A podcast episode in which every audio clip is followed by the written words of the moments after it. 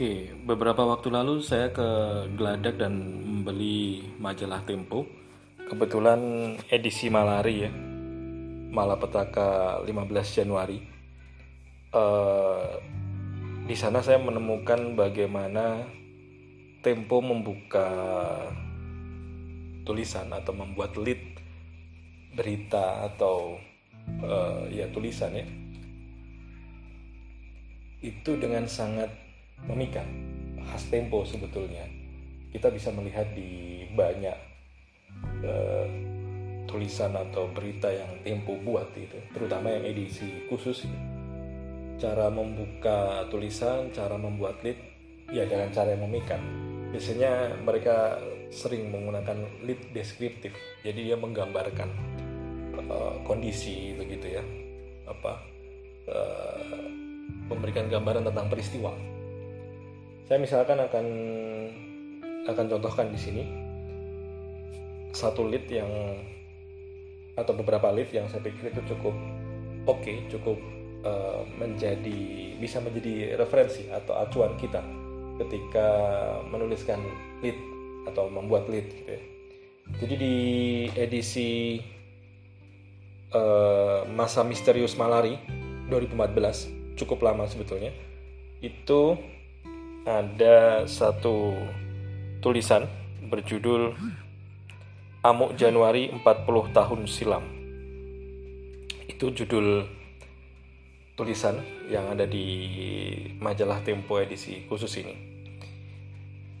Tulisan itu dibuka dengan narasi sebagai berikut. Empat dasawarsa terlampaui, tapi sejarah kelam Malapetaka 15 Januari masih belum sepenuhnya terang. Hari itu kerusuhan besar mengguncang ibu kota.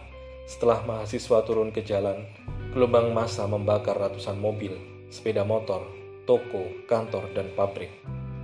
Tentara dan polisi kewalahan.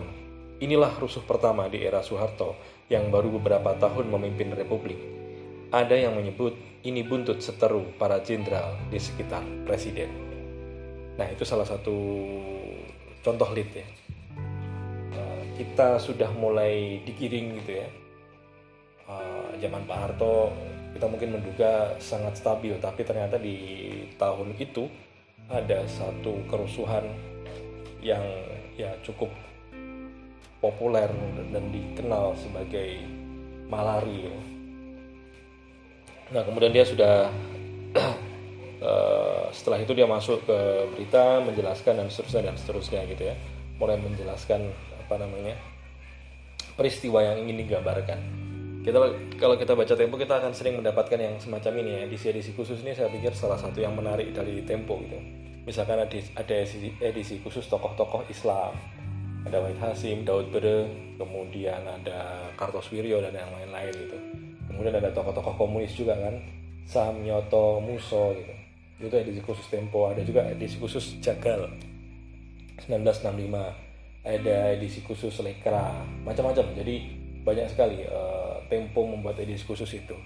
Sebetulnya semi biografis misalkan menulis uh, Kartoswiryo gitu itu Kartoswiryo kita bisa baca di banyak tempat gitu. Tapi entah mengapa ketika dituliskan Tempo itu ya karena mereka menganut jurnalisme sastrawi jadi ya terasa lebih uh, apa ya oke okay, gitu. Dibaca itu lebih lebih enak lebih ngalir lebih seperti ada nuansa seperti membaca sebuah novel yang ditulis dengan sangat baik.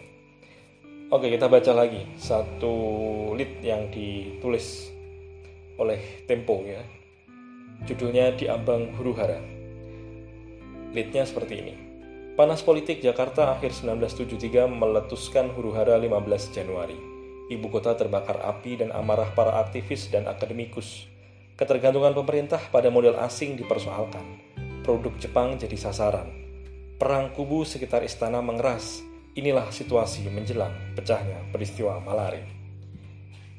Oke, itu cara tempo mengantar. Kemudian mana lagi ya? Nah, salah satu cara. Nah, di peristiwa Malari ini dulu tuh ada satu masa ya di, di sekitar peristiwa malari itu gondrong dilarang. Mahasiswa yang rambut gondrong itu di sweeping ada larangan gondrong. Oke ada lagi lead dari tulisan dengan judul Selasa membara itu. Leadnya semacam ini.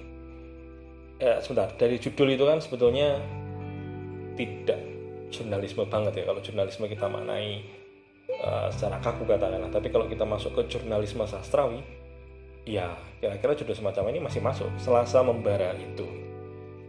Atau kalau uh, tadi tuh apa? Jelang huru hara gitu ya. Menjelang huru uh, apa tadi? Ada ada ada judul yang yang judul besar itu. Ada di ambang di ambang huru hara itu, itu kan juga apa tidak memberikan penjelasan yang cukup di judul gitu ya. Atau judulnya itu masih bisa mengandung pertanyaan gitu. Nah, Selasa membara itu, ini leadnya. Demonstrasi mahasiswa menjalar di berbagai kota pada awal 1970-an. Dari Bandung dan Jakarta, gerakan meluas ke Medan, Padang, Surabaya, hingga ujung pandang. Selain menentang derasnya model asing, mereka mempersoalkan pembangunan proyek mercusuar Taman Mini Indonesia Indah, rancangan undang-undang perkawinan dan korupsi. Jadi teman-teman juga bisa melihat itu. Mungkin ada yang sudah tahu TMI ya tapi di masa itu TMI juga menjadi salah satu persoalan yang disoal oleh para mahasiswa. Ya, dianggap macam-macam gitu ya pembangunan TMI gitu karena itu proyeknya Putin lah kira-kira begitu. Di situ nanti teman-teman juga akan uh, secara lebih mendalam akan mengenal Ali Murtopo yang pada masanya cukup berpengaruh. Orang di sekitar apa namanya orang dekatnya Pak Harto gitu ya. Kemudian mana lagi nih? Satu kejadian beda perlakuan. Nah ini ada juga nih yang ditulis oleh Tempo. Sekitar 700 orang ditahan pasca malari. Pasca malari mengguncang Jakarta. Di rumah tahanan militer aktivis mahasiswa dan demonstran anti Jepang bertemu dengan perusuh pembonceng aksi demonstrasi nah semacam itu. Dan uh, cukup cukup panjang cukup apa namanya uh, mendalam tempo mengulas peristiwa malari ini. Dan ya itu adalah adalah contoh bagaimana tempo membuka tulisan mengantarkan tulisan atau mengantarkan kepada itu kan tadi hal yang besar begitu ya terus mengantarkan kepada hal-hal yang lebih kecil. Nah, atau ada cara lain, misalnya saya juga membeli majalah Tempo edisi Suhoki. Uh, misalkan ada satu tulisan komunis dan map hijau. Di situ sebagai lead mengutip tulisan Gi yang diklaim kepada Budiono. Saya sadar betapa sulitnya untuk menanamkan kembali rasa hormat manusia-manusia Indonesia yang dibesarkan dalam suasana mass murder ini terhadap hidup bagi saya, kehidupan adalah sesuatu yang agung dan mulia. Ya, dia menggunakan hal-hal yang apa kata-kata yang quotable yang yang ya itu dari dari suratnya Suoki kepada Budiono ya dan itu pikir salah satu cara membuka lead itu. Dan kalau kita cermati sebetulnya di judul dari judul-judul itu cukup oke okay ya, mengeras di negeri abang Sam misalnya Suoki nih gusar di tengah pembantaian gitu jadi gimana nih? Barangkali sangat sangat cukup berbeda dengan cara kita waktu kita diajarkan membuat judul gitu ya. Ketika sudah bertemu dengan jurnalisme sastrawi ala Tempo gitu atau jurnalisme naratif begini ya bercerita gitu dan hidup gitu. Tapi ya ini semua ditopang oleh data-data yang sangat bisa dipertanggungjawabkan gitu yang bagi saya ya wartawan next level lah gitu. Tidak hanya sekedar wartawan. Ini tentu bukan oleh bukan tentu bukan ditulis oleh wartawan pemula ya semacam ini. Jadi itu dua contoh bagaimana sebuah tulisan diantarkan di majalah Tempo dari apa namanya edisi Malari dan edisi Suogi.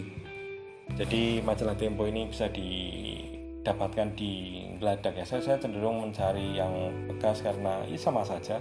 Harganya cenderung, uh, tentu lebih murah dan apa namanya saya masih bisa menikmati. Karena tulisan-tulisan semacam itu apa istilah bahasa Inggrisnya itu timeless. Tidak berbatas waktu. Mau dibaca kapan pun ya masih oke-oke saja gitu.